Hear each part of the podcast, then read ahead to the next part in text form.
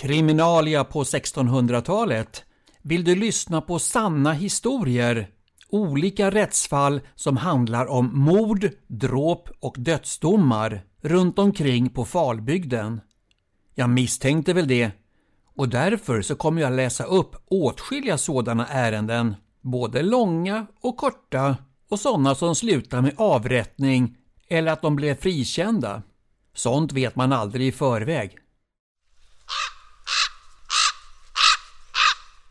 Kriminalia Rättsfall från Falbygden runt mitten av 1600-talet som berör mord, dråp och dödsdomar. Det här ärendet är en aning komplicerat beroende på att både den dräpte Per Jonsson och den som dräpte också hette Per Jonsson. Dessutom så bodde de båda två i Sandhems socken, men som tur är så bodde den ene i Broholm och den andra i Smedstorp. Så, då kan vi börja. Vartofta häradsting den 5 november 1638 framfördes för rätten den fängslade Per Jonsson i Broholm, vilket för några dagar sedan tog av daga Per Jonsson i Smedstorp, där de var kallade tillsammans av Tideman Nilsson för att köra hans gödsel. Och då förorsakades samma slagsmål som Bengt Nilsson i Slottorna och hans son Anders Bengtsson och en hustru, Kerstin Persdotter, alla samtliga framträdde och vittnade nu. Den dödes hustru, Ingrid Persdotter med sina söner Anders, Bengt och Nils klagade på samma sak och med de ovannämndas vittnesberättelser som efterföljer att när de var i slottorna och körde gödsel då hade Per Jonsson i Smedstorp varit i skogen men kom därifrån till Jöns i Pinnahemmet. Där fick han mat, men drack inget, utan kom om middagstid till slottorna och gick strax till arbetsfolket och fick häva dynga in till aftonen. Då kallade Tideman Nilsson in folket till måltid. När de suttit en stund uppsteg Per Jonsson i Broholm och bjöd godnatt. Då fick han en kaka i handen av hustru Kerstin Persdotter och därmed gick han ut och Per Jonsson i Smedstorp följde honom ut och medan de stod där och talades vid på gården då sade Per Jonsson i Smedstorp efter kvällsmaten i gården ber de oss vila. Vi går in och sätter oss, så kan vi följas åt. Och Per Jonsson i Broholm följde honom in igen, och när de suttit där en liten stund sade Per Jonsson i Smedstorp till Tideman Ni har en lagbok, så svara på min fråga. Min svåger har tagit full bogift som jag, liksom de andra syskonen. Och sedan fortsatte han utläggningen ganska länge och på hans fråga svarade Tideman Nilsson artigt. Då sade Per Jonsson i Broholm Nu har du fått svar, tala inte mer därom, utan tig stilla. Du skämmer ut både hustru och barn. Då svarade Per Jonsson i Smedstorp Ska du tukta mig? och blev så vred att han slog sina händer tillsammans och började vrida dem och sade Vad vill du mig? Då svarade Per Jonsson i Broholm Vrid dina händer när du vill, jag rår inte över dig. Med detsamma steg Per Jonsson i Smedstorp upp på pallen och fattade Per Jonsson i Broholm med båda händerna bak i håret och böjde huvudet nedåt och drog honom bort mot bänken ett stycke.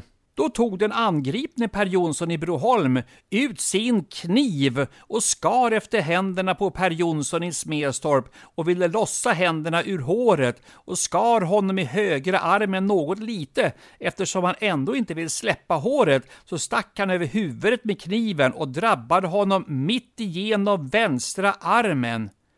Därmed släppte han håret och Tideman Nilsson fattade tag i byxorna på Per Jonsson i Broholm och ryckte honom till sig, men skadan skedde så hastigt att ingen som satt vid bordet såg att Per Jonsson i Broholm hade kniven ute.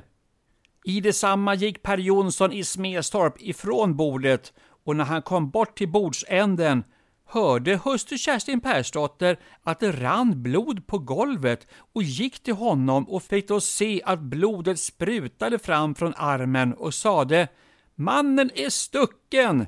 Då kom Anders Bengtsson och fick se Per Jonsson i Broholm medan Per Jonsson i Smedstorp fattade en tallrik och kastade mot honom, vilket inte träffade, och han sade ”Du stack mig som en skälm eller en bedragare, skurk, rackare eller någonting liknande”.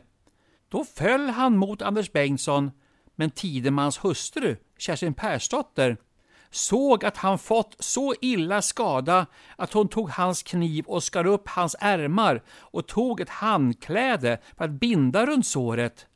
Men blodet var så utrunnet så ingen hjälp var att finna. Då lade de honom på en skiva och han ropade två gånger ”Mor, mor!” Och när Tidemans hustru Kerstin kom till honom förmådde han inte tala med henne. Men han sade till Bengt Nilsson, eftersom de var släkt, låt mig inte ligga på mord, det vill säga anklaga honom inte för mord. Då svarade Bengt, nej, det ska du inte. Med detsamma gav han upp andan vid samma bekännelse, vilket alla som var i huset vittnade att så gick det till. Eftersom inga fler vittnen är att förmoda i socknen sköts samma ärende till häradsnämnden att överväga om Per Jonsson i Broholm dräpte av övermodig lust och inte begått dråpet av livsnöd. Först fann rätten att Per Jonsson i Smedstorp utan given orsak tog Per Jonsson i Broholm i håret och som inte kunde komma loss, utan tog sin kniv för att lossa håret. Eftersom han inte ville släppa håret när han blev skuren i högra armen blev han stucken en andra gång i vänstra armen innan han släppte håret och släpade honom bort mot bänken. Nämnden ansåg att dråpet skedde och förvållats av Per Jonsson i Smedstorp samt att Per Jonsson i Broholm begick dråpet i nödvärn, som dock tog värre än han ville. Dessutom bekänner den dödes hustru och barn samt hela släkten att de alltid har varit synnerligen goda vänner tillsammans. Alla säger med en mun att ingen ovänskap fanns dem emellan. När gärningen väl var gjord kom Per Jonsson och lade sig hos den döde och önskade att han också var död ihop med sin granne, vilket alla kunde vittna om som varit där eftersom allting visar att detta dråp har skett som en oförmodad olycka så bekänner lika fullt Per Jonsson i Broholm att han har utgjutit människoblod och kunde inte av häradsrätten frias för detta utan dömdes efter Guds lag, Genesis, första Moseboken kapitel 9 och Exodus, andra Moseboken kapitel 21, är skyldig till döden. Dock ber den dödes hustru och hela hans släkt för honom och vill lägga skäliga böter om den kungliga hovrätten vill förskona hans liv. Tre dagar senare, Göta hovrätt den 8 november 1638. En dom från Vartofta härad över Per Jonsson i Broholm, vilken för några dagar sedan har ihjälslagit Per Jonsson i Smedstorp. Målsägaren ber för dråparens liv. Beslut för de skäl som finns i häradsdomen blir Per Jonsson i Broholm benådad livet, men ska böta till konungen 100 daler, det vill säga motsvarande två årslöner, samt förlikas med målsägaren efter lag. Alltså att betala en full mansbot.